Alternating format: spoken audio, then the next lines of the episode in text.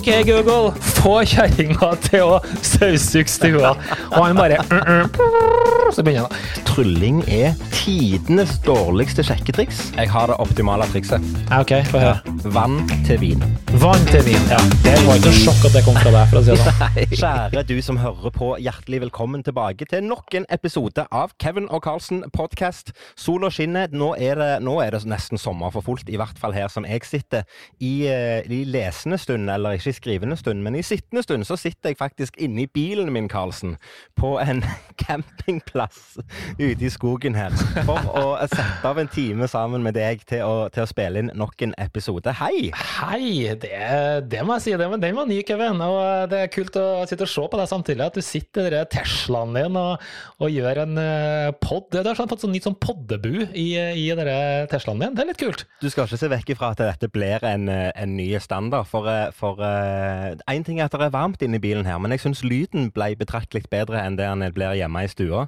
Så plutselig så kan det være at det blir en ny location hver gang vi sitter og spiller inn. Høres fantastisk ut. Men Kevin, la oss komme i gang. Hva har skjedd siden sist? Åh, hvor skal jeg begynne? Jeg, har vi ikke vært friluftsmennesker før, så har vi i hvert fall vært det den siste uka. Eh, jeg har For første gang i mitt liv så har jeg vært på Preikestolen uten å være på selve Preikestolen. Det var jo en opplevelse i seg sjøl. Ja, det så jeg. Oppsøke den turistfella som det er for å ikke være på selve Preikestolen. Det var gøy. Det som mm. skjedde, det var rett og slett at eh, svigermor fulgte året, og meg og Alin hadde lyst til å ta med oss svigers på en eh, liten opplevelse. Så vi tok de med på noe som heter Hikers Nest i, eh, på liksom Camp Preikestolen, som var en sånn kult opplegg. Istedenfor å ta med deg et eget telt, så ligger du inni ei tønne Rett og slett. og vi hadde det storveis. Det var bading og padling på Supboard, og det var bål og det var matlaging på primus. Og vi hadde en, en fantastisk tur i nydelig vær. Kult. Og så eh, kommer vi hjem, og så kjenner vi på at eh, nei, vi var ikke helt ferdige med å være ute ennå. Så, så, etter vi hadde vært hos naboene og ødelagt enda en fest, så eh, fant vi ut at vi må ta en ny tur. Så vi tok med oss padlebretter med og reiste inn til mine besteforeldre, heiv oss på vannet og hadde en lang, fin tur på vannet i går. og hadde rett og slett øyhopping på supbrett. Så um, tenkte jeg at det var jo fint. Det var jo hyggelig å få den naturopplevelsen. Så når jeg eh, sto opp i dag, så starta jeg med å beise ferdig terrassen. Det har jo vært så jækla stygt vær i det siste. Men endelig så var terrassen klar til å beise. Så eh, når jeg var ferdig med det i dag, og kjenne at i de tre neste ukene så kommer jeg til å ha gangsperren ifra helvete Jeg skulle til å si det. Ja, men det blir jo det. Neste gang vi sitter her og jeg får høre hva du har gjort siste uka, så har du ligget pal fordi du er så jævla stiv etter å ha beisa en hel terrasse. Nei, men sant. Og så har jo sommeren kommet tilbake igjen, og det er et nydelig nydelig vær her i eh, Sandnes og Stavanger-området akkurat nå. Så eh, når vi satte oss i bilen fordi at vi fant ut nei, vet du hva, vi tar en natt ute. Vi tar med oss disse padlebrettene, oppsøker et vann og henger opp ei hengekøy, og så bare blir vi her i natt. Så, så var det egentlig helt greit. Så um, vondt skal jeg ha, enten jeg vil eller ei. Men, men, vi har vært mye ute, vi har kost oss, og det har vært en glede at uh, godværet er tilbake igjen. Kult. Høres helt fantastisk ut. Det... Men hva med deg, da? Nei, Det er jo samme været her. og det vi husker jo forrige episode Kevin, hva jeg skulle gjøre i helga, og det var jo da maraton. da. Det er jo det jeg har brukt eh, tida mi på. Um, jeg må jo si det, det er jo typisk da, når det har vært dritvær i gud vet hvor lenge, og så kommer den dagen vi skal springe maraton. Hva skjer da? Jo, 28 grader, og kroppen får jo fullstendig sjokk. Så vi sprang. Vi var seks. Eh, nei, vi ble bare fire, faktisk, som eh, sprang. og ja, jeg sprang, eh, kom halvveis, fullstendig toppform. Så kom vi til par og 30, så sa det bare pang. Da var Karlsen ferdig. Det ja. var så vondt. Det var helt fullstendig knockout. Um, det var sånn type nesten på gråten. Altså. Men jeg kom meg i mål. Jeg tror jeg drakk to liter jeg, på siste sju kilometerne. Det var, det var helt krise. Hvor lenge tid brukte du da? Nei, vi snakket ikke om tid. Å, nei. nei da, det ble effektivt ca. fire timer, så det var ikke så gærent. Um, nei, hva ellers? Jo, det Hva skjer da? Altså, jeg er jo fullstendig kake resten av kvelden og legger meg på natta og verker hele kroppen, og så bare tenker jeg at det skal bli deilig å få søndag og bare slappe av. Men hva skjer da? Jo, da kommer kjerringa, da. Du, jeg skulle ha mala rommet til Jakob. Ja. Og det er jo sånn at hun får jo ikke maskere, for det, det funker jo ikke. Det, Hvorfor ikke? Da blir det ikke. Hun har gjort det én gang, og det skjer ikke igjen, for å si det sånn. Ah, nei, det, okay. nei, det, det, det kalles bare å hive opp tape. Um, så det var jo jeg som måtte maskere, og hva endte med? Jo, jeg måtte også male. Så jeg brukte hele søndagen min på å stå i alle bauger og kanter på å male. Men du skjønner jo Så sånn det er at det, du, det, dette skjønner jo du òg. Dette er jo et taktisk grep fra din kjære Jessica.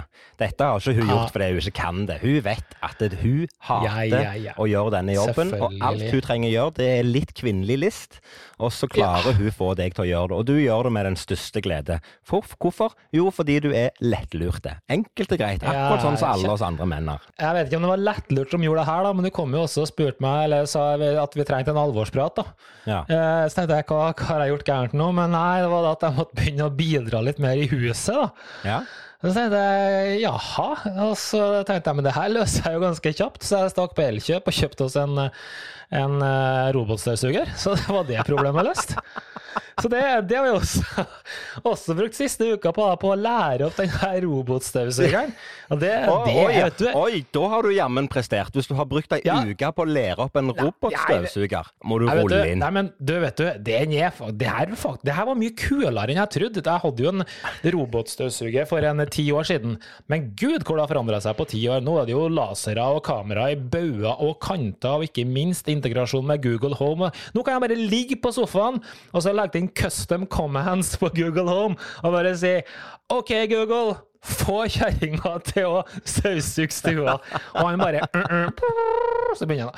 Nei, Det har vært fantastisk. Veldig, veldig bra uke, faktisk. Til alle de som har en Google Home stående hjemme nå, så har jo de sannsynligvis fått et lite problem hvis det faktisk skjer noe på deres enheter nå når du sier OK, Google, få kjerringa til å vaske og støvsuge og rydde.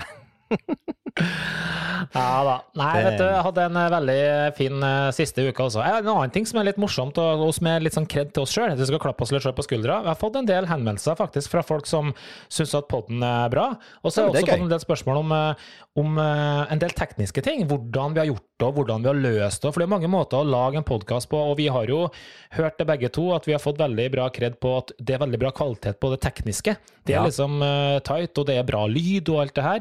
Så jeg har hatt en par stykker som jeg har, uh, skal hjelpe å starte en pod. Uh, så jeg tenkte jo det, kanskje vi skal gjøre det sånn utom når vi begynner å runde 15-20, at vi skal lage en pod om en pod.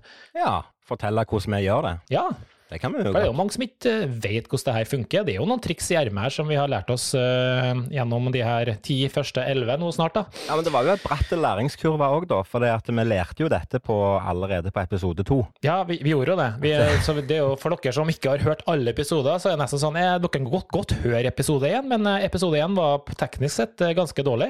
Men fra to og utover så har det jo blitt veldig bra. Så det er litt hyggelig at, at folk legger merke til sånne ting. Det syns jeg er kult. Og så fikk, jeg, så fikk vi også en pluss for at vi er jo de eneste som eh, lager episoder i sommerferien. Og det er litt kult. Ja, det er gøy. Det er veldig kjekt. Det har Ja. vært kjekt at vi har klart å få det til.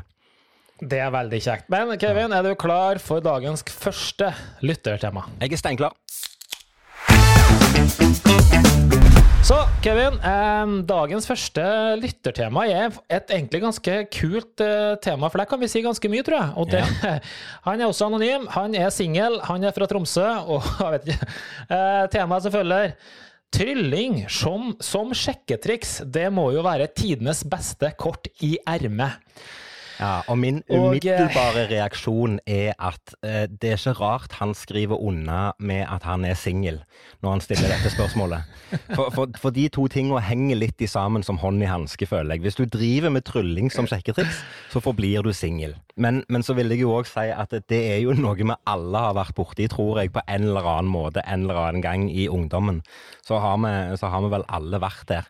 Um, jeg, kjenner jo at jeg har jo, jeg har jo egentlig konkludert med at trylling er tidenes dårligste sjekketriks, men allikevel så tror jeg det funker for de som er cocky nok og tøffe nok til å gjennomføre det. Det blir litt det samme som at det er ingen som liker han som spiller gitar på nachspiel. Men han som spiller gitar på nachspiel, han blir alltid helten. Ja, det kan du si, men nei, fullstendig uenig. Altså, trylling altså, Det er greit å Nei, trylling som sjekketriks, det er dødfødt. Og det, det, det mener jeg helt, helt ærlig. Det er så jævlig nerdete, det er så teit, det er så kleint som det går an å få det.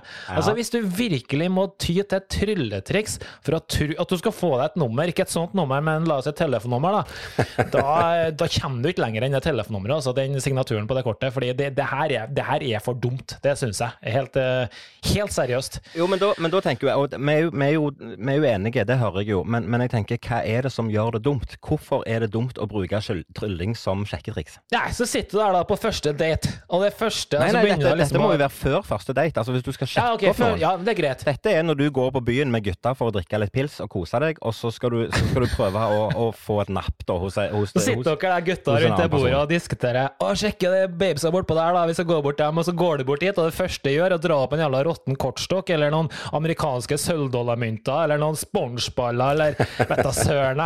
Nei, vet du, det, det det er så teit. Hvis du ikke klarer å få napp eller komme i kommunikasjon med de damene uten å vise et trylletriks som er Altså, vi må jo innrømme at trylling er spesielt, det er sært. Og hvis du, det er det du skal gjøre for å få kontakt med ei dame, nei, seriøst, kutt ut. Skjerp dere. Det mener jeg faktisk. Klar tale fra Karlsen. Jeg tror det handler om at når du, når du driver med trylling, altså sånn som vi gjør da, som, som heldigvis er det mange, mange år siden jeg i det hele tatt tenkte tanken på å, på å prøve å bli kjent med mennesker med et trylletriks, eller sjekke opp noen for den saks skyld. Men, men jeg tenker jo som så, jeg, at det vi, det vi gjør når vi tryller, da er vi på jobb, da er vi litt artister. Da liker jo vi å ha den oppmerksomheten som blir retta mot oss. Vi driter jo i de andre, er- hvem de andre er, og vi er jo ikke interessert i å bli kjent med de på samme måten som du ville vært i en annen normale setting. Så det er jo egentlig meningsløst å, å, å bruke det som en inngangsportal i det hele tatt. Ja, det, men det er kanskje det er at det er noen som føler at det her grenselandet blir litt vanskeligere. For det er jo ikke å skyve under en stol at man, når man gjør eh, type, om det er close-up eller scene osv., at det er litt sånn kontaktsøkende, det er, du er veldig inkluderende, og du, du Om du ikke flørter, så har du på en måte en god kjemi da, med dem du, dem du holder på med. Eh, og så er det kanskje ikke noen som klarer å legge det her helt fra seg og skille jobb og privat. Da. Jeg, tror- jeg, tror det ligger noe der. altså det Ja, men det er jo det jeg mener. Du, du vil skape en kjemi når du står f.eks. i en close-up-setting og hopper fra bord til bord for å bli kjent med mennesker. Så har du fem minutter på å bli kjent med en person eller med, med ei gruppe med mennesker uh, for å vise de noe som du faktisk har brukt tid på å lære deg. Men, men å bruke samme metoder for å bli kjent med folk på byen mm, Nei. Jeg, eh, jeg tror ikke det. Det Jeg har er jo dratt denne sammenligninga før, Kevin, men altså, hvis, det er, hvis det er to eller noen som er på date, da, det er to økonomer, de sitter jo ikke, sitter ikke og brifer og, med budsjetter og regnskapsmodeller og hos, hva den mest optimale pivot-tabellen er. Altså, det blir, blir bare dumt. Altså, det, nei! Nei! Eh, Det svaret er jo enkelt. Sett deg ned og bli kjent med vedkommende som du ønsker å bli kjent med, og ikke vis et trylletriks. Det, du, kan, du kan heller dra fram tryllestaven på første date. Ja, det er bra.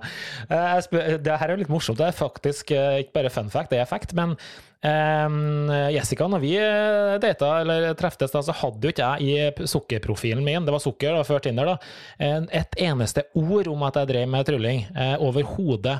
Og har jo sagt det rett ut. Hadde stått der at du drev med trylling, så hadde vi aldri møttes. Vi hadde aldri kommet på første date. Og det, det, det, hun er ærlig, og det tror jeg faktisk på, fordi hun sier at det er mange har et sånn her inntrykk av tryllekunstnere at det er så utrolig spesielle folk at eh, det dropper vi. Og det Ja, eller I mange tilfeller så har hun jo helt rett. ja, men det, det har jo faktisk det. Jeg sa ingenting. Jeg gikk på første date, andre date, tredje date. Så kom det en periode, jeg husker jeg tror det var sånn at hun spurte du, hva skal du til helga. Mm, nei, eh, jeg skal på noe TV-intervju. Ja, hva da? Eh, jeg skal på noen greier med Tore Strømøy og sommeråpen på NRK, for jeg skal på EM i trylling. Ja, da var den sluppet. Da Men da var det- for sent å gå tilbake. Da hadde hun, vet du, da hadde hun på kroken. Ja, og det, mener jeg, du- må på spille på de her personlige tingene først, og så kan du komme med de trylletriksene som bare Ja, og det er jeg helt feier enig ned. Der er vi, der er vi også helt enige. Det, det funker, og for all del driver du med trylling på en skikkelig måte, eller har det som en hobby, eller samme hva du, hva du, hva du gjør, så funker det helt fint å vise hvem som helst et trylletriks, men ikke første gangen du skal liksom få deg et nummer, et telefonnummer eller et annet nummer. Det, det har ingenting å si. Men, men, men nei, nei, vi er enige. eh, For all del. Ja, det er bra. Og, men, men vi har jo alle vært der, selv om det gjerne ikke var for å sjekke opp eh, Ja. andre mennesker, så har vi jo vært på byen, meg og deg òg, med lommene fulle av flashpapir og kortstokker og tomler og mynter og gud hjelpe meg vet hva. Det er sant, det. Men, Men det jeg vil fram til, det er at før eller seinere så har vi jo lært noe. Vi har jo lært at vet du hva, det er faktisk ikke nødvendig å være på jobb 24 timer i døgnet og sitte klar til liksom, sitte klar med en kortstokk eller noen mynter bare for å få lov til å vise noen et triks. For det, det, nei, igjen som jeg sier, det blir sånn som han på nach som alltid skal spille gitar. Det er alltid noen av de da, Noen ganger så er det steinkult, det er vi jo enige i. Det er veldig gøy at noen drar fram en gitar på et nachspiel eller på en fest, men, Ja. men, men eh, det skjer jo veldig ofte at de som gjør det, de gjør det for å brife og liksom sånn hei, hei, se på meg. Ja. Men det er jo sikkert mange tryllekunstnere som er uenige med oss, og det, det skal de få lov til å være. Og, Heldigvis. eh, det, det morsomme er jo at det, det finnes jo en DVD. Eh, at du har den sikkert du òg, Kevin. Det finnes en DVD med Jay Sankey som heter Firestarters. Og det er faktisk, ute om det er 18 eller 20 eller 28 triks som ene og alene er laga for å sjekke damer. For å få kommunikasjonen din i gang, få telefonrommet deres, komme i kommunikasjon og i hele tatt eh, vise eh, hvordan, eller få sånne flørtetips osv. Altså, det her er jo ikke, det er ikke bare tull, det her. Det er jo faktisk mange triks som er lagt opp på den måten også. Så jeg skjønner men, at folk eh, tror at det er et bra sjekketriks, iallfall. Ja da. Um, ja, jeg, jeg, har, jeg har ikke noe mer å gi. Jeg vet ikke hva jeg kan si. Men hvis du, Kevin, hvis du hadde vært singel, da. Du har vært singel, skal jeg utfordre. Eh, og du skulle absolutt ha gått ut på byen, og så skulle du, skulle du gjort et triks. Hva hadde du gjort? Nei, jeg har nettopp stått og snakket ned om dette her, og så ber du meg om å fortelle hva et triks jeg skulle ha gjort. Vet du hva, Jeg har faktisk ikke peiling. Jeg har ingen formening om hva jeg skulle ha gjort i det hele tatt. Men, men hvis du skal tenke på det sånn da, fra fra et litt faglig perspektiv, så måtte det vært et eller annet som i det minste eh, lot meg få snappa opp informasjon om vedkommende på en enkel måte. Gjerne navn, gjerne litt interesser, litt, eh, litt eh, type hva jobber du med, hva, hvor bor du, altså litt sånne detaljer. For da kan okay. du bruke det i en samtale videre, for eksempel. Uten at jeg vet nøyaktig hva triks det skulle ha vært, men, men eh, du kan komme langt med, med, med en en ambitious card-rutine, der du får Ja, en altså, du har dratt fram props, du. Du har dratt fram props, du. Opp med kortstokken. det er ikke det jeg sier. Nå bare sitter jeg og drodler med hjernen. Eh, eh, Som, som jeg sa tidligere, så, så er det ikke sånn at eh, jeg er tilhenger av å sitte med en kortstokk i lommen hele tida og dra fram den ved første anledning. Så, så det er klart, når du bringer meg inn på den banen, så måtte det jo vært et eller annet som du kunne brukt som var der fra før av. Men, men jeg, jeg har ikke peiling. Dette er ikke, dette er ikke noe jeg går og tenker på, fordi at jeg har virkelig ikke behov for det, og jeg ønsker ikke å ha behov for det. Så, så nei, jeg aner ikke. Nei, enig. Jeg tror, eh, jeg tror hvis det er noen som er ute der da, og ønsker å gjøre et, hvis dere skal gjøre noen tips da, til sånn tryllekunstnere, eller noen, kan det være noen som ikke er tryllekunstnere, som har lyst til å bruke trylling som, eh, som sjekketriks, hvis du absolutt har drittroa og du er kjempeuenig i det vi sier, så tror jeg at eh, finn, finn deg et triks som eh, du bruker hverdagslige ting i. Ikke dra fram en kortstokk, ikke dra fram mynter. Prøv og kanskje, kanskje kan du gjøre noe triks med ringen til en person, eller du kan gjøre noe med noen serviett, eller altså et eller annet som kan virke ganske kult. Og det tror jeg kan være ganske eh, OK inngang, tror jeg. Jeg har det optimale trikset. OK, få høre. Ja. Vann til vin. Vann til vin. Ja. Ja. Det var ikke noe sjokk at det kom fra deg, for å si det sånn. Yes, jeg tenker vi eh, hilser tilbake til singel Tromsø, at eh, vi er ganske motstandere, men for all del, prøv det, fordi vi har alle lært, for å si det sånn. Ja. Kevin, vi har et uh, tema til, og det er et uh, ikke-trylletema, egentlig. Og uh, det her er egentlig en oppfølging fra, fra forrige episode. Og der har vi en som heter Johan fra Bergen, som sa det at kul, kul episode sist, men dere snakka om noe dere kalte for muskelminne. ja. Det hørtes interessant ut. Hva er det? Hmm. Ja, hva er det? Eh, nå, nå tror jeg ikke at verken meg eller deg er fagpersoner eller har faglig nok grunnlag til å egentlig gå i dybden på dette, men vi har jo allikevel en viss eh, oppfatning av hva muskelminne er. Det vil jeg jo tro. Ja. Og jeg tenker jo i ordets rette forstand så handler det jo om at muskler i kroppen, når de gjennomfører en aktivitet eller en belastning ofte nok, så går musklene inn og egentlig husker eh, en bevegelse eller en måte å holde eksempel hvis du skal snakke om fingerferdighet, så er det en måte å holde hånda på som gjerne er ubehagelig i starten, men du blir vant med det. At musklene bare lærer seg til eh, den rollen de skal gjøre i den oppgaven, da, tenker jeg. Og, og at den beste måten å, å hva skal jeg si, lære det på, det var jo sånn som vi snakket om sist, at hvis du repeterer en ting så mange ganger at du har vondt i hele hånda for å lære et, et, et move med en mynt, da. Hvis du gjør det så mange ganger at du får vondt i hånda, og så tar en pause, så vil du oppleve at gjerne hånda responderer på en annen måte, fordi at musklene rett og slett har vent seg til den kalde belastningen. da. Mm. Ja, men det er jo for så vidt uh, riktig, det. Og vi har jo gjort det, tatt en par sånne referanser tidligere òg. Jeg, jeg, må bare dra Det er utrolig hvor noen referanser funker hele tida. Uh, vi har snakka om sjakk, og vi har snakka om trompet, blant annet. Og her er jo en kjempegenialt eksempel med trompet eller musikere, og gitar for den saks skyld. Hvor vondt det er ikke å spille på enkelte, enkelte korder på en gitar, men øver og øver, øver, så blir musklene vant til det. Ja. Sammen med trompet. Skal spille sånne sinnssykt forte, kjappe fraser osv. Så, videre. så det er kjempevanskelig i starten, men etterpå så går det bare av seg sjøl. Og det er ikke for at du leser notene fortere, nei, det bare sitter i fingrene. Fordi musklene har blitt trent opp til å ta de her kombinasjonene på en uh, unik og kjapp og bra måte. Og Jeg prøvde å lese litt på det her, og det er jo akkurat sånn som du sier, Kevin, at musklene lærer seg, og det er muskelceller som på en måte som, eh, som uh, da blir lært opp og, og legger, har en sånn her intern hukommelse i seg sjøl. Og da, da, det bringer oss opp et, en annen ting som er interessant, og det er jo doping. Okay. Fordi det som skjer da, er jo at muskel, det som du tilfører muskelcellene, det er permanent. Det er ikke noe som forsvinner. Da tenker jeg, hva med doping i trylling, Kevin? Det hadde vært noe for å få jævlig bra fingerferdighet. Som konstant har bare blitt økende god og bra. For å rett og slett prestere bedre? Ja, jeg eh, kan vel ikke akkurat si at jeg støtter den. Det hadde jo vært en, en en opplevelse og deltatt i f.eks. verdensmesterskap i trylling, og bare sånn Ja, gratulerer med bra prestasjon, men nå må du være med inn her for på en dopingkontroll. altså, den dagen det skjer, da, da eh, Det er nesten sånn at jeg håper det skjer. For den dagen noen finner et prestasjonsfremmende middel for oss som driver med trylling, da er jeg for det første så er jeg jævlig spent på, på hva det stoffet er, og hvordan det fungerer. For det er mm, det tror jeg er noen spesielle saker. Nei, men Det kunne jo vært så mangt. Jeg mener, Det som er tatt for doping, altså narkotika, er jo doping også. Så at, og for på en måte uh, få ned nerver og det her med sentralstimulerende greier og sånn, det vil jo bli slått ut på doping. Og det, det, er jo ikke unaturlig kanskje at noen tar noe som kan uh, ta ned nervene litt ja, i, i, i, hektiske, heavy konkurranser. ja. ja, men allikevel. Jeg vil jo ikke Jeg vil jo, jeg vil jo påstå påstå at hvis du velger å ta et eller annet som, som uh, roer ned nervene dine altså Den beste måten å roe ned nervene, det er jo faktisk å være trygg på det du holder på med. Du skal ha øvd litt, og du skal gjerne ha vist det foran andre mennesker før du går på scenen i et verdensmesterskap.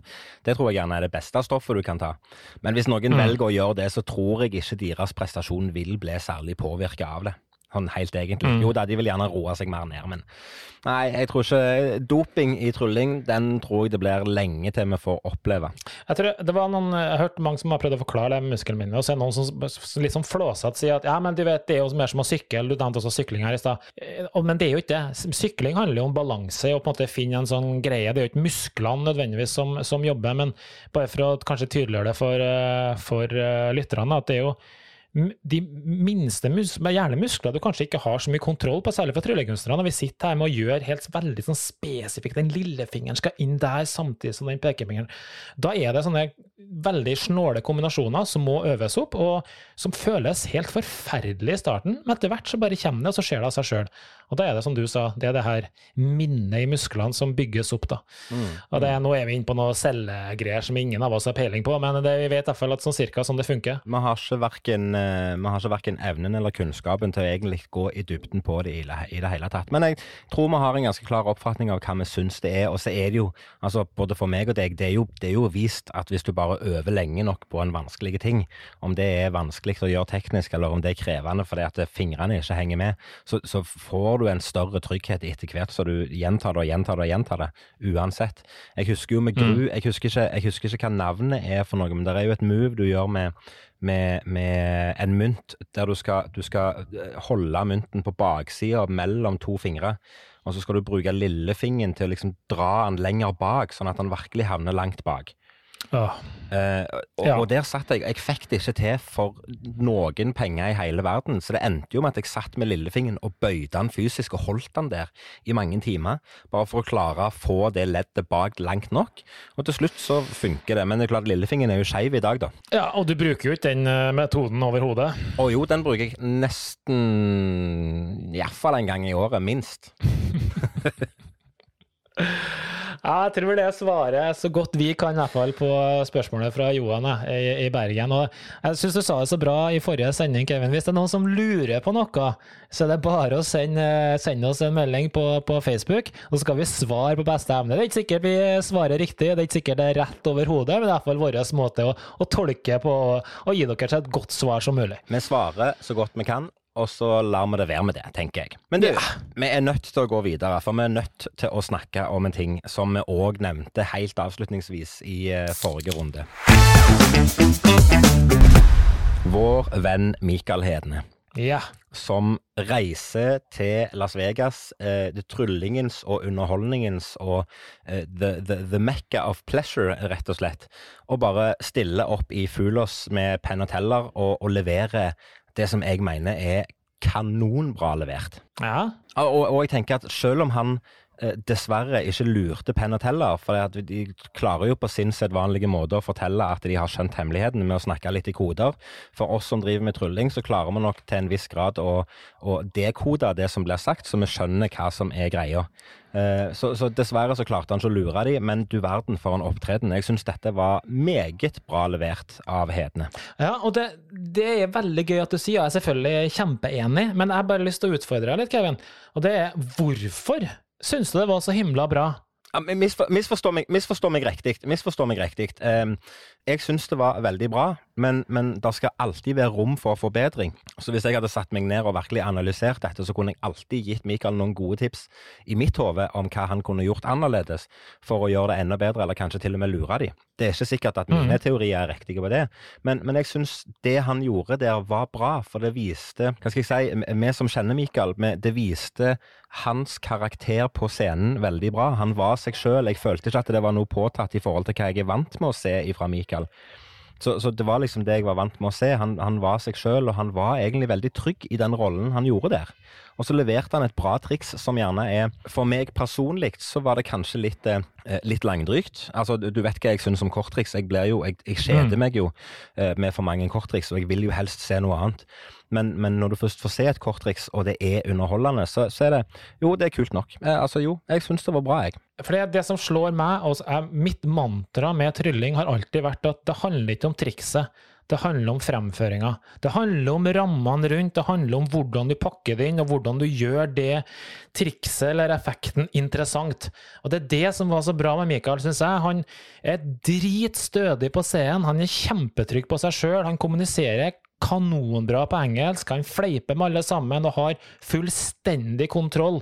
Mm. Og jeg mener at han kunne ha gjort hva som helst av triks, og det har fortsatt vært akkurat like bra. Trikset var ikke for min del. Jeg har sett trikset mange ganger før, men det var ikke det interessante. Jeg ga nesten F i trikset han gjorde. Det er hvordan han oppdro på scenen, og hvordan han fikk ut sin karisma og sin Og det er det som gjør at han får den, de positive tilbakemeldingene.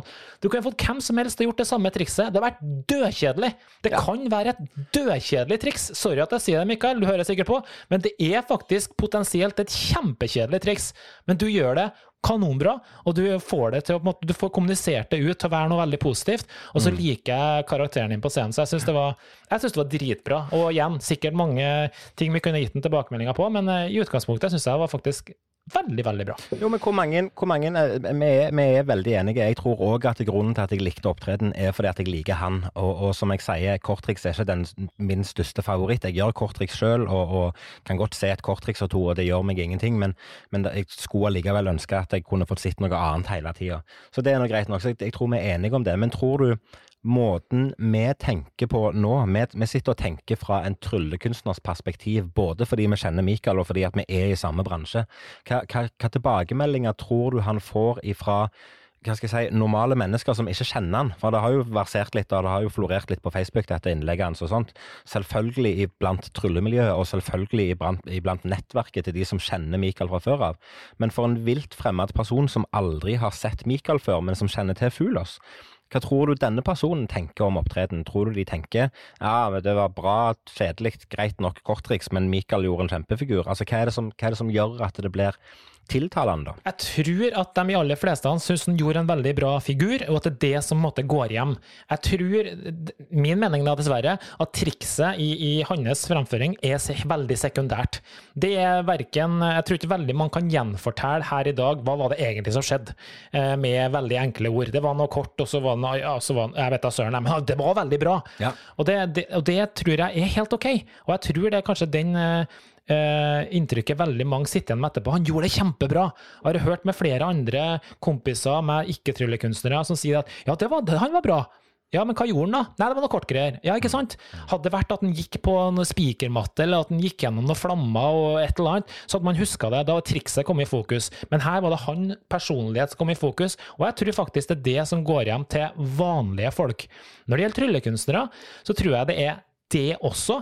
Men det som er litt kult, syns jeg, det jeg tror at veldig mange tryllekunstnere også ble lurt. Ja, det er det ikke tvil om. Det tror jeg det er veldig mange som ble. Derfor så gikk det også hjem blant tryllekunstnere. På en litt annen måte, men uh, du får litt sånn dobbel dose da, mot uh, tryllekunstnerne. Det syns jeg er kanonkult. Mm. Og det, derfor lurer jeg litt på vi har jo sett Penn så mye, Kevin. Vi har sett hvem som har blitt lurt, og hvem, eller hvem eh, som har lurt dem, osv. Ja. Og så tenker jeg det har vært mange der som har lurt dem, som har vært Jeg vet ikke hva jeg skal si det på en fin måte, men det har vært det nesten for dumt. Ja, vi har, jo, vi har, jo, Det er jo nesten sånn at vi har tenkt at det er nesten avtalt spill. Altså, det er jo, det er jo mange av de tingene som er så eh, basic, men det er gjerne det som, som er grunnen òg. At det er så basic at, eh, at uh, verdenseliten i trylling ikke klarer ras, rasjon, hva det heter, jo, ras, resonnere seg fram til det, var det jeg skulle fram til. At det ja. blir sånn Ja, dette blir for enkelt, rett og slett. Ja, ja kanskje. Jo, kanskje, se på, kanskje se. På, se på Shin Lim, da. Som har fått, ja. som har fått kjempekred og er ei stor stjerne, spesielt i USA, eh, og, og, som bare gjør det bra. Men det han gjør av trylling er jo basic. Det er jo veldig enkle ting. Det er jo bare mm. innpakninga hans som gjør at det ser helt sinnssykt pervers bra ut. Ja, det, det er helt uh, riktig, det, altså. Um, jeg tror det enkle svaret er jo at Penateller er jo jævlig smart. og De kjenner de fleste grep og håndteringer, og sånn sett så har vi jo sett mye som har blitt lurt tidligere osv. Men, men uh, jeg tror det er mange faktorer som bestemmer, og det, og det her tror jeg ikke er bare tull, det er ingen som tør å innrømme det bare, men som bestemmer hvorvidt en person går videre eller ikke. Og jeg tror Uh, I et tilfelle her så tror jeg Michael godt kunne ha blitt uh, lurt, eller bli, kunne godt ha lurt Penn Teller, men uh, så ble det ikke sånn. Og tenker jeg, gjør det nå? Altså, Tenk deg den erfaringa han har fått, da. Ja, altså Bucketlista, check, check, ja. og godt materiale til gjenbruk, og check, check, check hele veien til banken, tenker jeg. Det er bare tut og kjør. Ja, det er bare å få det ut. Jeg har lyst til å avslutte denne bolken med en liten callback til det jeg sa i stad, for jeg har sittet og tenkt litt mens du har snakket. Jeg vet hva som er det ultimate trikset. Sjekketrikset? Nei, jeg vet hva som er det ultimate trikset for å lure penn og teller òg. Ja, ok. Ja, har du tenkt å dele? Jeg tenker hvis du lager vann til vin. Vi har den igjen, ja. Ja, ja, ja. Det, jo, det, får være konklusjonen. Det ultimate trikset i alle settinger det er å gjøre vann til vin. Da blir du kongen på haugen. Enkelt og greit. Da blir du faktisk kongen. Du, jeg har lyst til å, til å avslutte litt seriøst òg. Jeg syns Mikael gjorde en god figur. Eh, veldig kjekt å se at han fikk det til, og, og eh, all ære til han. Enkelt og greit. Helt enig. Men Karlsen, yeah. jeg har lært noe nytt. Det har du. Let's go. Og uh, Forrige uke så uh, valgte jeg, siden vi hadde et aldri så lite jubileum, så valgte jeg å la deg ta æren av å starte denne deilige spalten vår som er, som er fun facts. Men i dag så tar jeg tilbake tronen, og jeg velger at jeg skal få lov å begynne i dag. Kjør på. og denne her funfacten her, den, den, den, går helt i ei annen gate enn det jeg har snakket om tidligere. For jeg har lært noe nytt i dag eh, som gjerne Jo, det, det, kan gjerne relateres litt til den gangen jeg nevnte om dette her med hvor mange ganger en mann barberer seg i løpet av et liv. Eh, det jeg har funnet ut denne gangen, det er at kvinner i den vestlige verden, de bruker i snitt én time på å pynte seg hver dag. Minst, tenker jeg. Ja, og da tenker jeg eh, det forklarer litt eh, hvorfor du ser ut som du gjør. Egentlig så skulle du vært litt mer dame, Karlsen.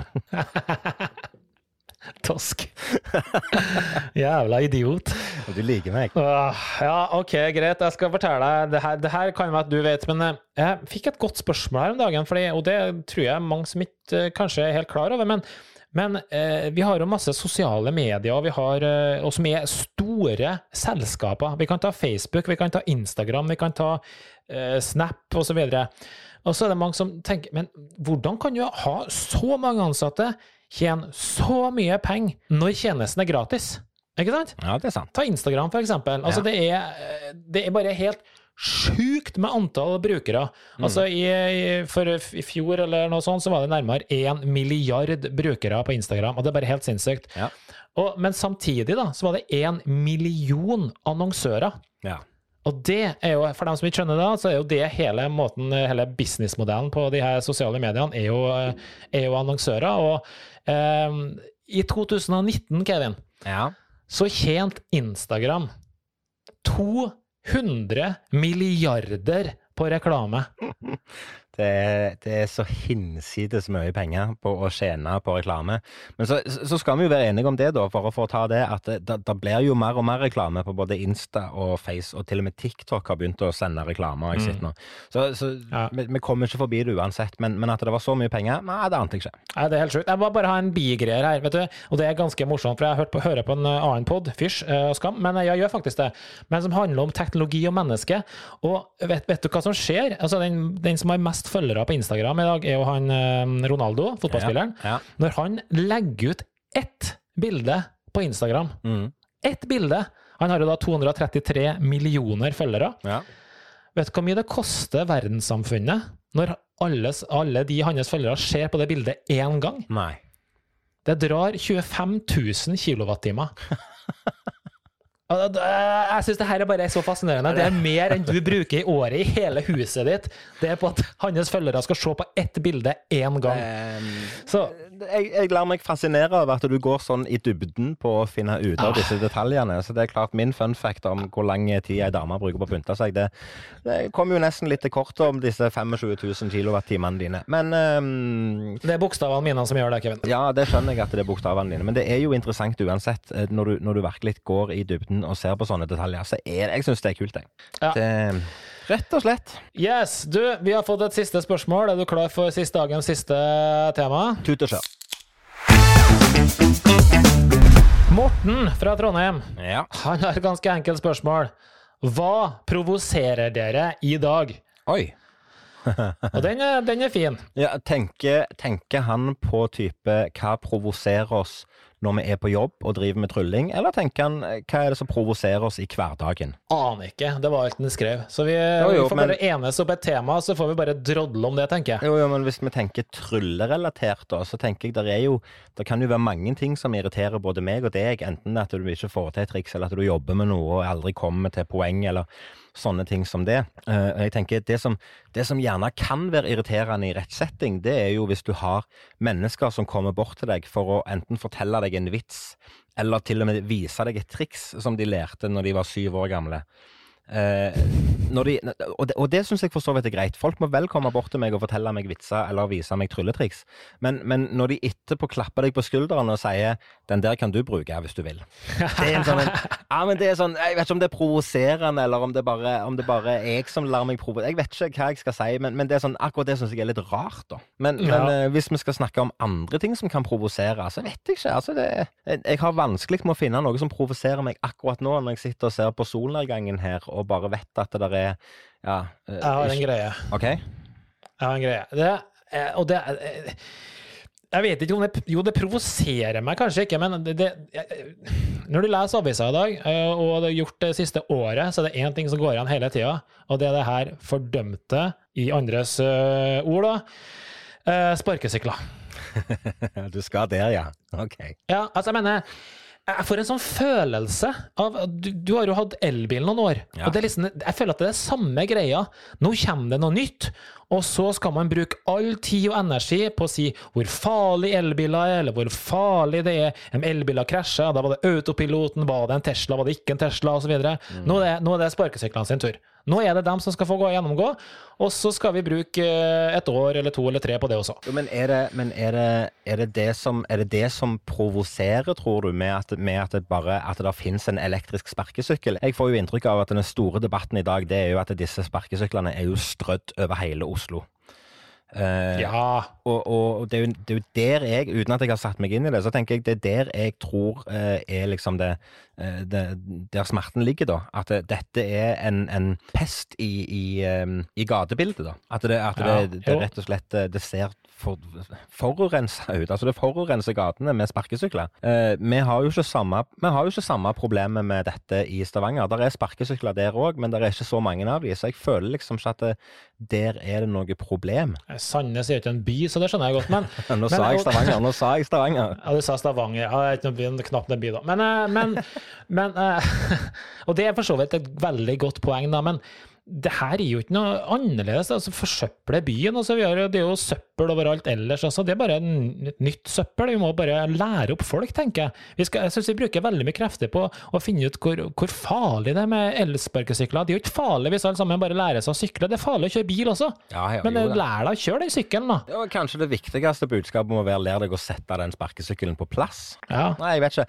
Men jeg husker jo veldig godt med en gang disse sparkesyklene kom til byen. For jeg hadde jo knapt nok landa på Gardermoen før jeg fikk melding fra deg med en invite til denne appen. Denne appen må du bruke hvis du skal ta den farge sparkesykkelen. Og denne appen må du bruke hvis du skal bruke de. Og denne er billige, men de er ikke så gode sparkesykler, så du kan bruke den. Så før jeg hadde kommet til Lillestrøm med Flytoget, så hadde jeg lasta ned 17 forskjellige apper til disse sparkesyklene. Kanskje det er løsningen så enkelt som det er. Altså istedenfor å ha 1000 aktører som skal ha 1000 forskjellige apper. Kan de ikke bare slå sammen alle disse aktørene til én og lage én felles app? Det blir jo det samme som med ladeappene til, til elbiler. Det Der er jo altfor mange aktører. Ja, det her er, Nå må dere høre, dere som lager sparkesykler, eller som må noen som uh, har lyst til å være en sånn brobygger mellom alle leverandørene her, bare sørge for at det blir løst. fordi jeg tenker jo i min eh, jobb med, som jobber med IT-sikkerhet oppi alt det her, så sitter du her og registrerer deg og godkjenner både personvernerklæringer og ditten og datten og legging, mastercard og personinformasjon i